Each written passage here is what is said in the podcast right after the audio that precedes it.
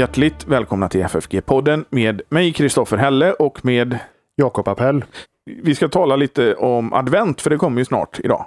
Men först kanske vi ska påminna våra lyssnare om en sak. Om möjligheten att understödja FFG med en gåva till swishnummer 123 100 8457. Vi har ju det i avsnittsbeskrivningen och på hemsidan också, så man behöver inte pausa, spola tillbaka och hämta papper och penna. Eh, och så märker man det med FFG Gåva eller FFG Podcast där det kommer fram till rätt mottagare. Och vi påminner också om eh, vårt bokerbjudande vi har i podden. 30 kronor styck för våra tidigare jubileumsskrifter med anledning av vårt 30-årsfirande. Det gäller fortfarande, så skickar man ett mejl till info.ffg.se, säger att man har hört det i podden, så får man dem för 30 kronor styck, styck plus porto. Så det är 10, 20 och 25 års böckerna. Kan vi säga som så att firandet, 30-årsfirandet går mot sitt slut här. Året är snart slut och vi hade vår fakultetens dag här. Lite inspelningar har kommit ut därifrån på vår Youtube-kanal. Kommer i podden också. Då har vi något att se fram emot. Ja. Så, men, men det kan man söka. Det finns ju annat på vår Youtube-kanal också man kan söka på på Youtube.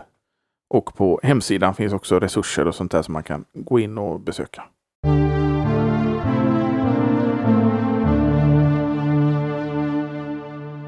Ja, Jakob, det börjar lida mot advent. Och det är väl härligt. Det, det är en, en oerhört fascinerande tid på kyrkåret. Har så många olika eh, aspekter. Jag måste nog säga att det är, det är min favoritperiod eh, på kyrkåret. Och det kanske hänger samman med den här rent barnsliga känslan av, av att längta efter något. Och att det det, är en, det är en positiv känsla när man har en väntan på något som man vet ska komma och advent är fyllt av väntan och förväntan. Samtidigt som det har sin alldeles egna eh, särart som en, en fastetid, en, en, en tid av rannsakan och omvändelse som vi också förknippar med, med adventstiden. Men vi kan ju börja med att säga att i, i Sverige så har ju advent en väldigt speciell ställning på något sätt.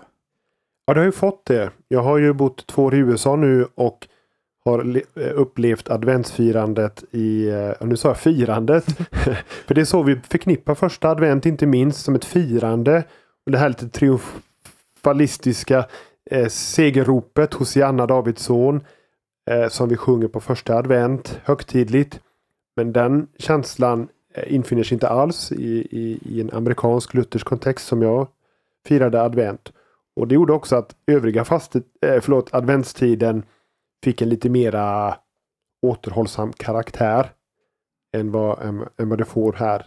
Så att första advent i Sverige sätter en ton som varar hela fastetiden skulle jag säga. Hela adventstiden?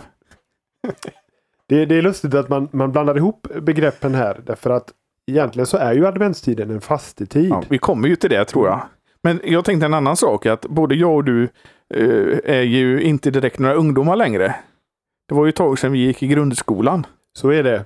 Och i, i, grundskolan, när vi gick i skolan, då var ju adventstiden också något jättestort här i Sverige. Ja, det var faktiskt det. Och jag minns ju när jag gick, inte minst då på lågstadiet, det här med att man eh, tände de fyra adventsljusen.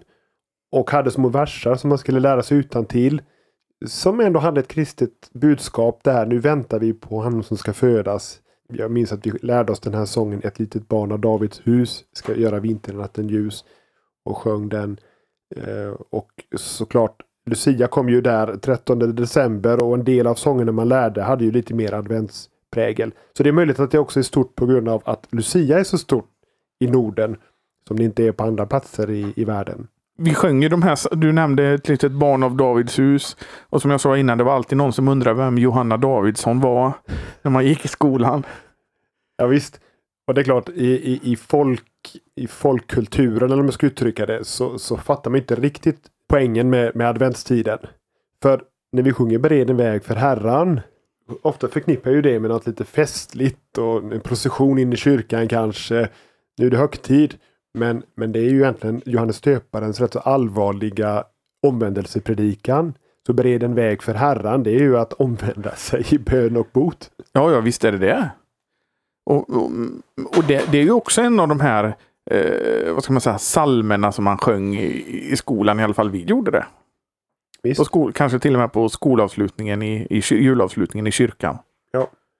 Nu vet jag inte hur mycket av det som finns kvar men, men, men på Lucia, Bered en väg för Herran i den här eh, Dalamelodin är ju väldigt populär och väldigt vanlig i svensk television när de sänder från Lucia-firandet.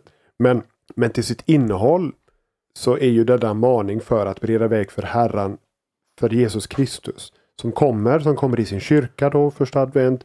Han ska komma tillbaka i härlighet, andra advent.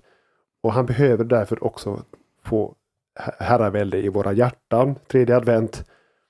Och så fjärde advent eh, som, som lite grann också då eh, förbereder oss på att han kommer också i, i köttet, i inkarnationen. Och innan julen infinner sig med Jesu födelse, firandet av Jesu födelse, så är han ju i jungfru Marias moderliv dagarna innan så att säga. Och därför så blir det fjärde advent en, en del av att vänta med, med, med, med Maria på födelsen. Men just den här adventstiden i, i Sverige är ju väldigt fin med alla ljus och stjärnor och, och sånt där. Det blir ju det är en väldigt mörk period rent eh, visuellt. Men då lyser de här ljusen upp lite så det, det, det är ju ändå ett, ett kristet arv som verkligen syns i samhället. Och det tror jag gör att en av orsakerna i alla fall till att advent och såklart också Lucia har blivit en sån älskad tradition eller en sån älskad kultur i, här uppe i mörka Norden vid den här tiden på året. Det passar med ljusen i mörkret och, och adventsstakarna och allt det där. Även om vi egentligen vill reservera ljuset det folk som vandrar i mörker ska se ett stort ljus till just julens firande och egentligen inte till advent. Men det är en mörk tid och adventsstakarna och de upptända kyrkorna som adventstiden präglas av är ändå välkommet och kärkommet. Men det gör också lite grann att fastetiden, den här bön och bot-karaktären försvinner lite grann. Men jag vet inte, vi, vi, jag har inget emot det, det, det här upptända och, och, och eh, vackra i mörkret. Nej, och, och eh, adventsljusstakarna står ju kvar eh, även under julen och, och så här. Så Visst. att det lyser upp ett, och ger ett fint ljus. Så är det ju. Men det är ju underligt hur, hur fort den här glädjen över ljuset i mörkret ebbar ut. Eh, alltså att vi, vi dansar ut julen väldigt fort när väl julen har kommit. Så att adventstiden har på något sätt tagit ut det där lite grann i förväg. Men det har ju lite med kommersialiseringen av samhället att göra. För att om du går till en affär nu så hör du julmusik. Det börjar verkligen komma liksom julgrejer överallt. Det är jullåtar, det är tomtar. Det, det, alltså, julstämningen försvinner lite. Du är nästan mätt på det när det kommer till, till jul just med det här tomtar och julgranskulor. Ja, och eftersom fast, en fastetid betona detta med återhållsamhet och att avstå från något. Så klart, varje år skulle vi påminnas om att, att ändå vara återhållsamma och hålla på oss lite grann. Eh, och inte dra in hela julruschen och allt som har med jul, själva juldagen att göra. Eh, så att vi är så mätta på julen när julen väl kommer. Men det, det är en pedagogisk och det är en eh, organisatorisk utmaning för oss som kyrka. Och jag har inte några riktigt bra knep på hur man kan motverka den väldigt starka kulturella strömmen som vi ändå får leva med. Också våra barn önskar sig julklappar och allt sånt där. Jo, som gör att man måste ut på, på gatorna i, i trängseln och, och höra. Vi var på Nordens största julmarknad nu helgen som gick. Eh, och då är inte ens adventstiden kommit än. Så det, man får lite grann gilla läget också. Jo, men så är det ju. Och det blir ju liksom de här traditionerna, de går ju liksom lite in i varandra på något sätt. Med jul och advent. Det, jag tror att många inte kan se skillnaden nästan riktigt. Nej, så är det ju. Och, och vi ska kalla det folkreligionen eller det allmän religiösa eh, har ju tagit över lite grann ut, över det mera specifikt kristna och det bibliska. Och det som den här tiden på kyrkåret vill lyfta fram.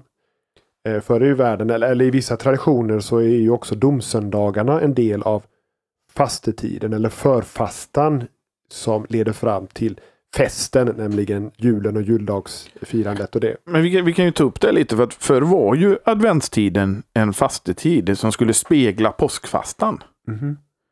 Så att det var ju sex veckor och då var ju domsöndagen in, inräknad i den här fasteperioden. Ja, och då hade också eh, domsöndagarna eller det har det fortfarande, men det fanns ju en, en en logik i att de hade det mera rannsakande perspektivet att Herren kommer vaka och bedja och så fortsatte det in med, med adventssöndagarnas budskap i, i samma ton.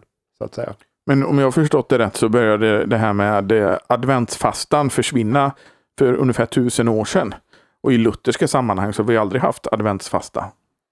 Nej, det är klart, det beror lite grann på vad man lägger in i det. Om, om man bara tänker på det med att avstå från mat eller någonting liknande. Då, klart, då har det inte varit starkt här i Sverige. Men budskapet de här söndagarna och kallelsen till bot och till bättring. Det finns ju eh, fortfarande i våra salmer och i våra textläsningar och, och sådär. Så på det viset så finns ju fortfarande men, men förr i den svenskkyrkliga traditionen så var detta en tid för katekespredikningar. Vilket gjorde att precis som i, i eh, fastetiden, den, den riktiga fastetiden med betoningen på passionspredikningar, att man skulle avsätta tid för Guds ord och predikan. Det finns återspeglat i gamla tiders katekespredikningar utöver då söndagens gudstjänster. Men i, i Sverige så har ju det här med första advent blivit någonting väldigt, väldigt stort. Så det, I många fall så är även kyrkorna fyllda idag. Och det såklart hänger samman med äldre svensk kyrklig eh, tradition och har sin förklaring eh, som jag inte kan gå in på, på här. Att det fortfarande ändå har en sådan stark plats bland många alltså sekulariserade svenskar. Eh, tror jag hänger samman med ungefär av samma anledning som Lucia är så starkt. Att, att det är detta med, med ljuset och högtiden i en tid som är mörk, lite, lite dyster, det är lite ruggigt ute. Det är något inbjudande och varmt med de här ljusa, alltså bokstavligt talat ljustända eh, högtiderna i kyrkan. Och, och, därför så tror jag att, att första advent just har eh, en, en, en, stor plats ändå i människors medvetande och också eh, ja, att man fortfarande kommer till kyrkan. Men sen tror jag också att igenkänningsfaktorn eh, spelar en roll. Att eh, man förväntar sig någonting som man känner igen när man kommer till kyrkan första advent. Så är det. Så att vissa salmen bara måste finnas där. Bered en väg för Herren och Hosianna, Davids son och liknande. Så det är något av folkkyrkans eller kulturkristnas arv som fortfarande har en, en plats i människors eh, liv. Det kan vi vara glada för. Eh, men det är också då en kallelse att, att, ta vara på när vi, när vi predikar och när vi försöker att förmedla. Det är egentligen lite allvarsmättade med första advent. Därför att det är ju det här Jesu intåg i Jerusalem är ju lite så triumfalistiskt. Och vi sjunger Hosianna i jubel och, och, och, glädje och allt det där. Och det får vi göra.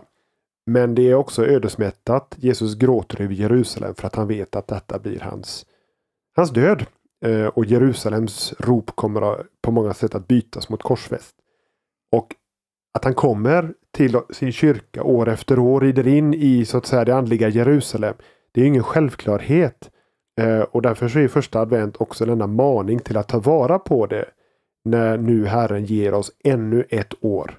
Men vi vet ju aldrig om det är det sista året. Så detta är en maning till att ta vara på det när det nu, när det nu ges ännu en gång. Det är lite grann som i liknelsen om, om trädet som inte hade burit frukt.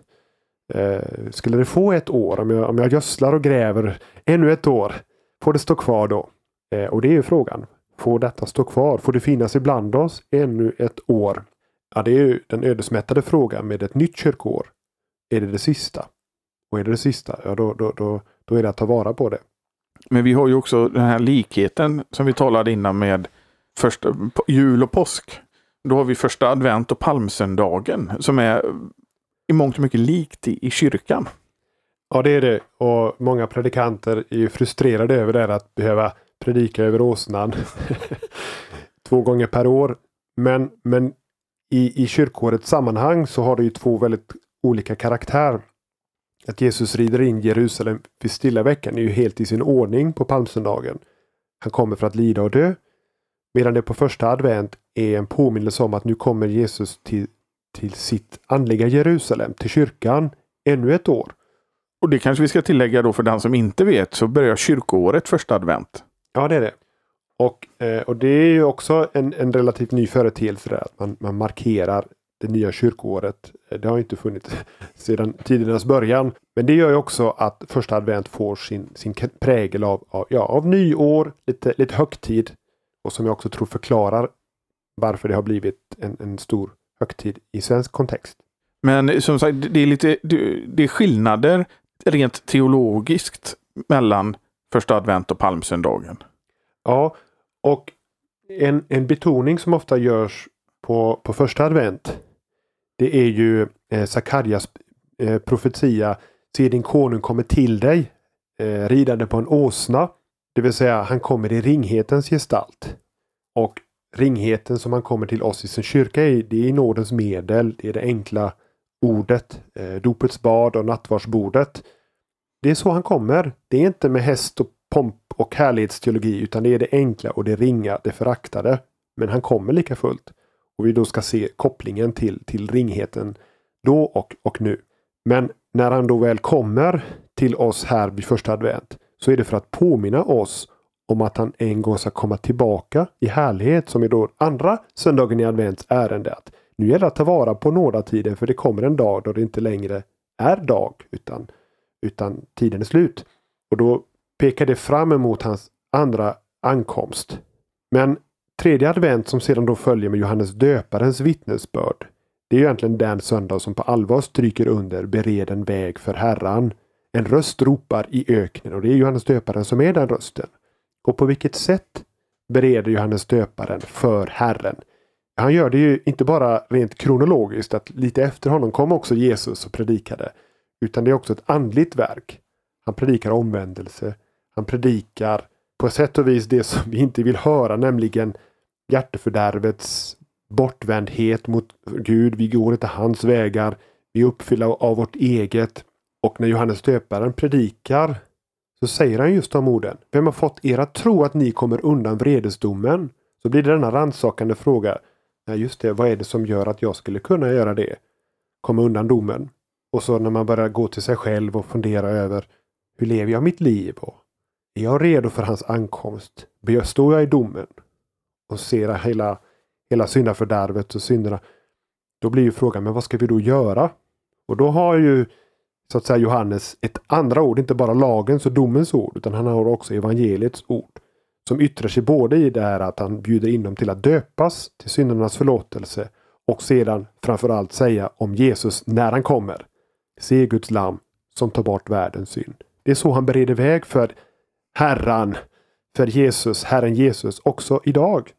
Att lagens och domens ord får säga var vi står inför Gud när han kommer. Men framförallt peka på vår frälsare genom honom som vi blir, kan bli frikända i domen och stå frimodiga på domens dag när den till slut kommer. Ja, för det är att den här ankomsten, så advent kommer ju från det eh, latinska ordet adventus som betyder ankomst. Och han kommer ju till sin kyrka i första advent. Men han kommer ju också till de som är i kyrkan, till människorna som är i behov av honom. Det blir ju högst, en högst personlig fråga. Vem är Jesus för dig? Eller som Jesus själv frågade, vem säger ni att jag är? Och vi kan ju så att säga lite så här akademiskt objektivt säga, jo han är Messias och han är Guds son eh, och han är ja, sådana här teoretiska sanningar. Men om han är Herren Gud, måste han då inte också vara Herre och Gud i ditt liv? Är han det? Om han inte är det, ja vem är då Herre i ditt liv? Ja då är det något annat som inte är värt den tro och förtröstan som, som, som, som hjärtat ger. Så det blir som en fråga, vem är på, din, på ditt hjärtas tron? Som är den ansakande frågan. Men det kan ju också finnas så här att det, om, om du tänker, vem är Jesus i mitt liv? Är det den Jesus som är frälsaren? Eller är det någon annan? En annan Jesus som det talas om i skriften? Ja, också om detta har ju adventssöndagarna väldigt mycket eh, viktigt att säga. Så exempelvis första advent när Jesus rider in i Jerusalem på en åsna Ingen hade ju protesterat om han hade kommit bara per fots. Ingen hade förmodligen tyckt att det var konstigt om han kom per häst. Som en, som en kungad i allmänhet. Men när han kommer på en åsna. Så blir det varför på en åsna? Jo, det är för att skriften ska uppfyllas. Det vill säga, han kommer på åsna för att hjälpa människor att tänka på Jesus i skriftens ljus. Nu är det inte den Jesus som vi vill ha. Som ska komma och kicka romarna i sjön. Utan nu är det skriftens Jesus som rider in i Jerusalem. Och om man lyssnar noga till skriftens ord så är han den lidande tjänaren så föraktad att vi räknade honom för intet. Men det var våra sjukdomar han bar, smärtor. Allt det där som handlar om att han ska lida och dö i Jerusalem. Så att vi ska fråga efter skriftens Jesus och inte den Jesus som vi själva vill ha. Men det är ju eh, lätt att, att göra det för att man tänker på det här barnet som man talar om nu. Ett litet barn av Davids hus som ska lida och dö. Det är rent mänskligt så är det ju många som nog har svårt för det. Jo, det är ju ett litet barn är oskyldigt och, och gulligt och, och väcker något hos oss av, av liksom sympati och, och värme och sådär. Och det är inte fel om första advent liksom bereder väg för den, den, för, för den inkarnerade Jesus, alltså barnet i krubban, så har ju palmsöndagen mer betoning på att han ska lida och dö. Men dessa två högtider, julen och påsken, hör oupplösligt samman och det är väldigt viktigt att betona det. Så att det inte julens budskap blir ensidigt gulligt om du förstår vad jag menar. Utan är också knutet till varför han en gång kom. Det var för att försona världens synd och bli vår ställföreträdare. Och det är för att han kommer tillbaka så som domare. Så vi måste få fatt på honom som vår försonare, ja som vår broder. Så att vi blir vissa om ett, ett frikännande i den dom som kommer att komma över alla på domens dag. Men det är också väldigt rannsakande att, att lyssna på, på Johannes döparen. Eh, när Jesus talar om honom så säger han ju så här att vad gick ni ut i öknen för att se? Var det en man i fina kläder? När de hittade ni i palatsen? Var det ett strå som vajar för vinden? Och jag tror att man ska faktiskt tolka det som vi ofta gör med det här. Eh, man vänder kappan efter vinden. Gick ni ut för att höra något så här politiskt korrekt som säger det som människor vill höra? Nej. Vad gick ni ut för att? Ja, det var en profet. Det vill säga, ville ni höra Gud tala och ni fattar att det var en Guds talesman där ute i öknen. Då fick ni faktiskt också bemöda er om att gå ut i öknen för det första. I denna ogästvänliga, bistra öknen, farliga öknen. Och ni gick inte ut dit för att ha det trivsamt. Inga fina kläder här. Palatsen får ni lämna bakom er. Templet med hela tempelliturgin och allt det vackra och sköna där. Det får ni lämna. Och här är ingen ja-sägare, någon, någon så här vindflöjel. Utan det är profeten. Och vad säger han?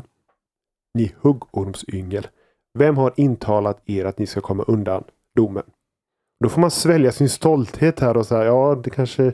Ja, vad har du mer att säga då? Och så när man lyssnar till punkt och låter honom tala ända till slutet. Ja, då har man hört att han också pekat ut honom som bär bort världens synd, Gudslammet. Och då är så att säga Johannes färdig. Men ofta så tappar vi bort människor på vägen dit. Nej, jag går inte ut till det där. Det måste vara så och så mycket härlig adventsmusik för att jag ska bemöda mig om att gå och lyssna på profeten.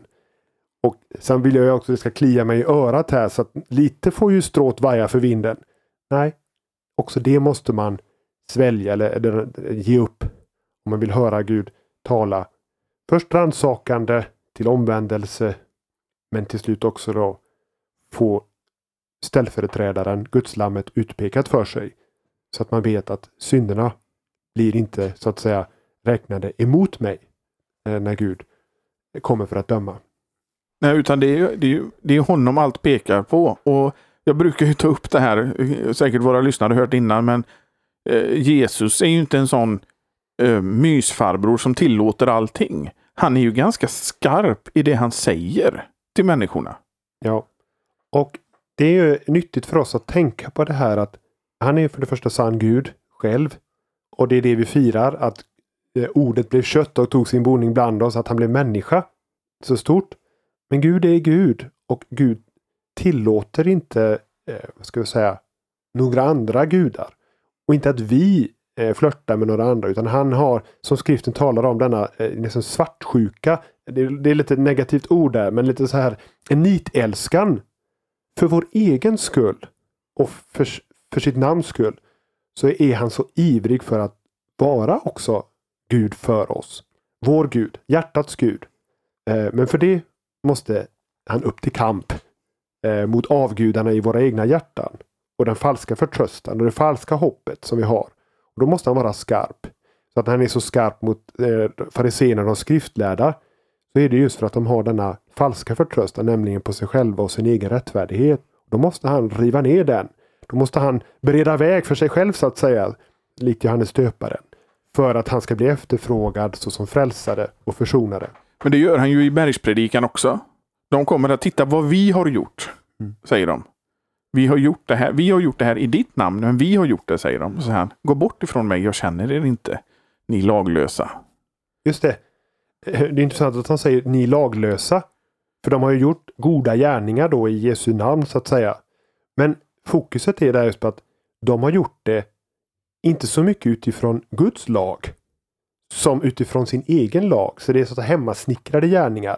Som man tänker stort om. Och jag har lagt till i Jesu namn eller jag har gjort kraftiga gärningar.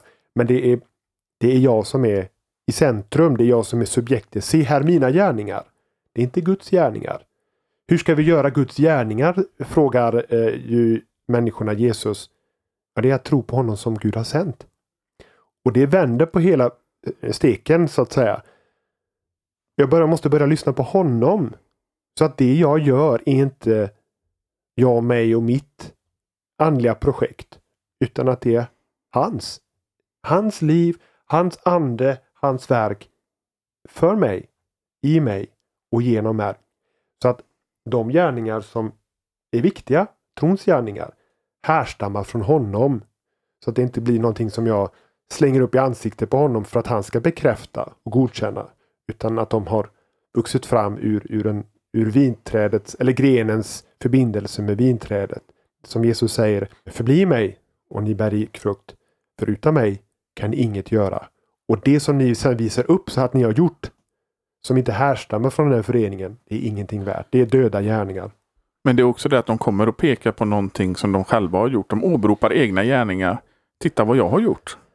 De kommer inte i andens fattigdom, utan de kommer i eget ärende. det, det finns ett förtjänsttänkande där. Att man har något som Gud. Och utöver det att det är en, en slags eh, ett högmod. En, en, nästan som en skymf. Gud har gett allt av nåd alena. Så att också de krafter, själskrafter men också kroppskrafter som vi har fått är ju från honom. Hur, hur skulle man kunna berömma sig av någonting överhuvudtaget? Allt är av nåd. Kroppen, livet, själen, eh, tron, gärningarna. Så att jag, när jag börjar då tänka att jag har något som jag har gjort. Jag har uträttat. Då har man också berövat något av, av, av Guds ära och vad hans verk. Och liksom räkna till som, sitt, som mitt eget. Och, och det är en kamp som Gud för mot oss. Att, att när han leder oss in i andens fattigdom. Så är det ju att också äras den som äras bör. Det är att ge Gud äran. Och inte ta åt oss av äran genom att komma med vårt eget. Nu blir ju Gud förhärligat också när vi gör våra gärningar i tro. Alltså trons frukter. Och det är intressant att Jesus står precis där i bergspredikan och säger Låt ert ljus lysa inför människorna så att de ser era goda gärningar och prisar vem då? Gud. Ja. Det vill säga då, då kan människor i det att de tar emot det goda från oss ändå lägga märke till givaren också genom vårt sätt. Det är inte det här självupptagna självgoda utan det är det som så att säga blir en, en, en effekt eller en frukt av vår, vårt behov och vårt förblivande i Kristus såsom försonare och frälsare. Eh, det sanna vinträdet. Men det är ju det här med förtröstan på Kristus eh, villkorslöst. För att kommer du med egna gärningar, ja, vad säger Paulus i Romarbrevet? Jo, den som har gärningar att peka på. Som de gör då, när Jesus säger, vad har vi inte gjort? Titta vad vi har gjort. Ja, den får sin lön utefter gärningar. Men den som förtröstar på honom som rättfärdiggör den ogudaktige. Honom räknas hans tro till rättfärdighet. Och eh, jag- vill minnas att vi har pratat om det här i ett annat avsnitt. Just om de orden där att man får lön för sina gärningar. Och det ligger ju något i det där att att här i världen kan man få lön för sitt beteende och man så premieras för ett gott och hedligt. Så att jag kan få en typ av lön fast inomvärldsligt då i det här. Och då är ju så att säga som någon uttryckte så här att måtte jag inte ha fått ut mitt goda här i världen utan i den tillkommande världen. Att inför Guds domstol bli frikänd. Och om jag frågar efter det perspektivet. Det är då som det inte duger med mitt eget att liksom visa upp någonting för Gud. Utan att, att förlita sig på Guds egen Guds eget försoningsmedel, eh, vår, vår rättfärdiggörare, nämligen Jesus Kristus och förlita oss på vad han har gjort. Och visa det så att säga för Gud. Han är min frälsare, han är min försonare, han är min rättfärdighet. Och om jag har gärningar så att säga som, som lika fullt har blivit till i mina kallelser här så har jag så att säga lämnat dem bakom mig därför att de behövde mina medmänniskor här i mina vardagskallelser. De, hade inget eh, inför, inför domstolen att göra. Utan där är det Kristus alena som gäller. Jo, det är ju så. Att, och, men det är också det här, eh, den syndiga människan har ju alltid den här egna förtjänsttanken att jag kan nog kanske hjälpa till. Räcker det här? Räcker det här? Behöver jag göra någonting själv? Duger jag? Jag som är så syndig. Ja. Och så vill jag ju gärna eh, först bli lite bättre innan jag kan acceptera att Gud förlåter mig. Eh, så att Då har jag åtminstone bättrat mig lite grann för att Gud ska förlåta mig på basis av den lilla förbättringen. Och även om hela livet är, måste vi säga, en bättring, ett liv i omvändelse. Eh, så, så kommer den aldrig att bli orsaken till att Gud eh, räcker sin oförskyllda nåd. Utan det är bara ett uttryck för att när Gud kallar på oss, när han talar sitt ord och sin lag, så måste vi ständigt säga vi har brustit, vi har kommit till korta. Det sitter djupt i oss, egenviljan och egennyttan och att själv vilja vara Herre. Och kan, ska Gud förlåta så är det för Jesu Kristi skull enligt löftet. Och i den dagliga omvändelsen, det är klart att det händer något också som har konsekvenser i mitt liv i förhållande till andra människor till exempel. I det som vi kallar för helgelsen. Men, men det avgörande där är, är ju att, att, att leva i, i, i den dagliga omvändelsens rikedom. Därför att den håller oss nära Jesus. Och att förbli honom är inte utan frukt. Det har han själv lovat. Men, men det är kanske inte något som jag själv kan berömma mig av. Att mitt liv har blivit så väldigt fruktbart. För jag kommer alltid att se mig själv i ljuset av vem Gud är i sin helighet. Och då känns det ju oftast mest fruktlöst och, och dött och livlöst. Men det är inte i mig själv som jag har livet utan i honom. Hans liv är inte utan liv. Förening med honom är inte utan näring och liv och ande. Och, och det kan jag sätta min förhoppning till och min förtröstan till.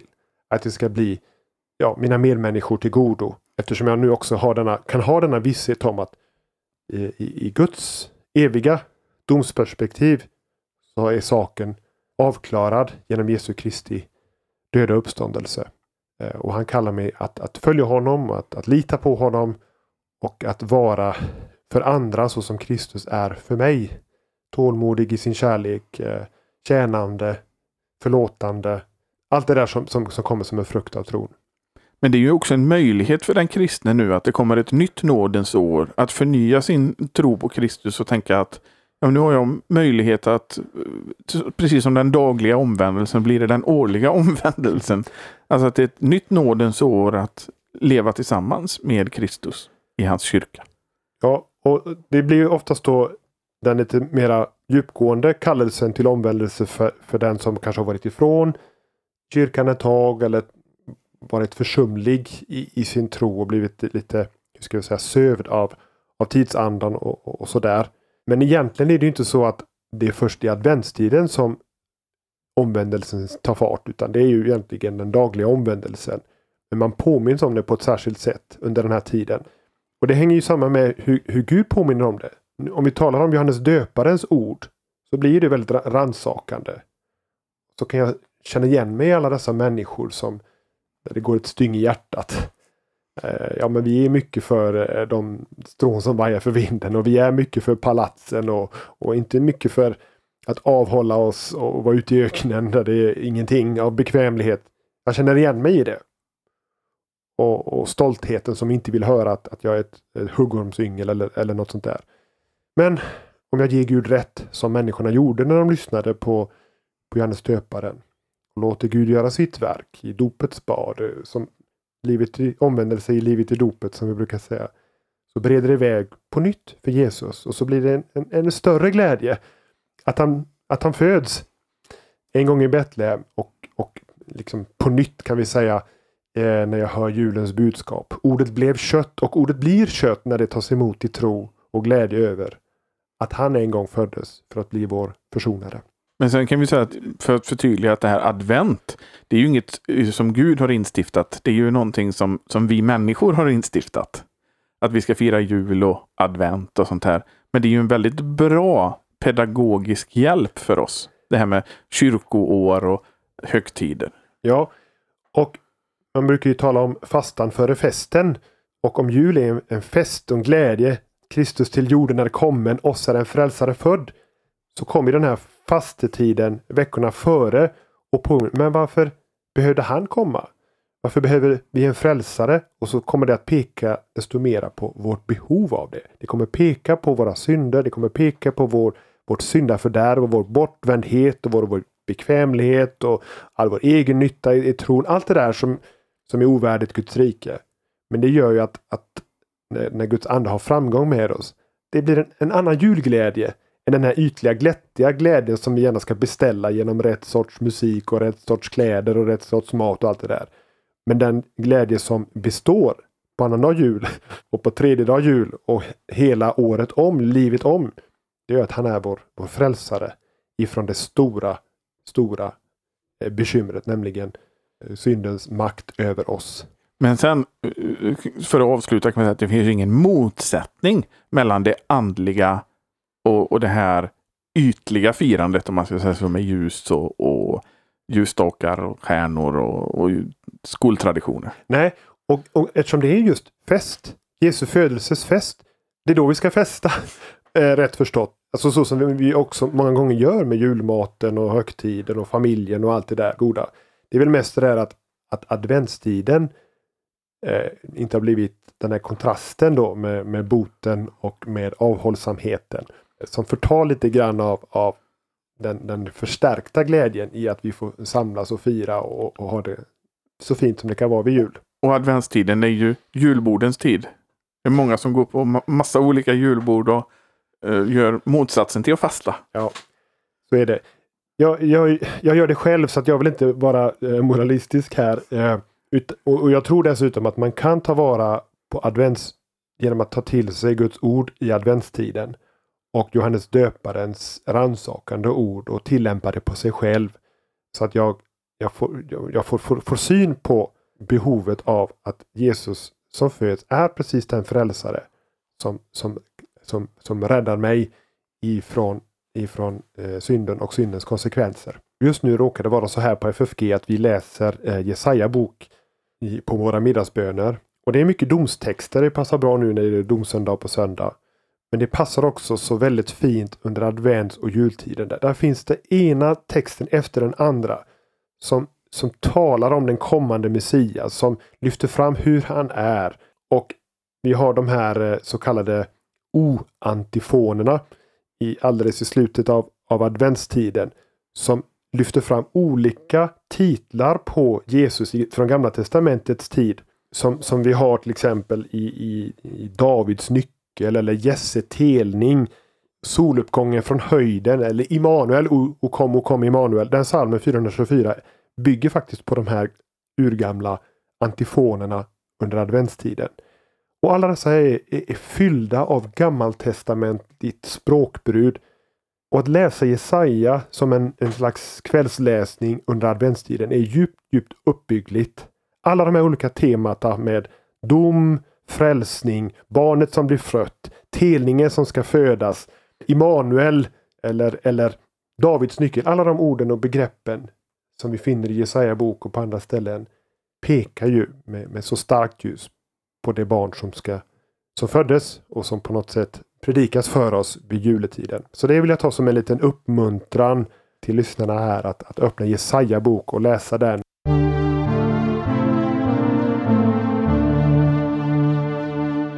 Det får bli vårt avslutningsord för den här, eh, det här avsnittet om advent. Tack Jakob! Vi påminner att vi har det här bokerbjudandet. Eh, 30 kronor styck för våra tidigare jubileumsböcker med anledning av vårt 30-årsfirande. Det är ju inte så långt kvar på 30-årsfirande året. Så skriver man till info.ffg.se att man har hört det i podden så får man dem för 30 kronor styck plus porto. Och man kan ge en gåva på Swish 123 100 8457. Finns också i avsnittsbeskrivningen och på vår hemsida ffg.se. Så märker man det med FFG gåva eller FFG podcast så kommer det fram. Och vi hörs igen nästa vecka.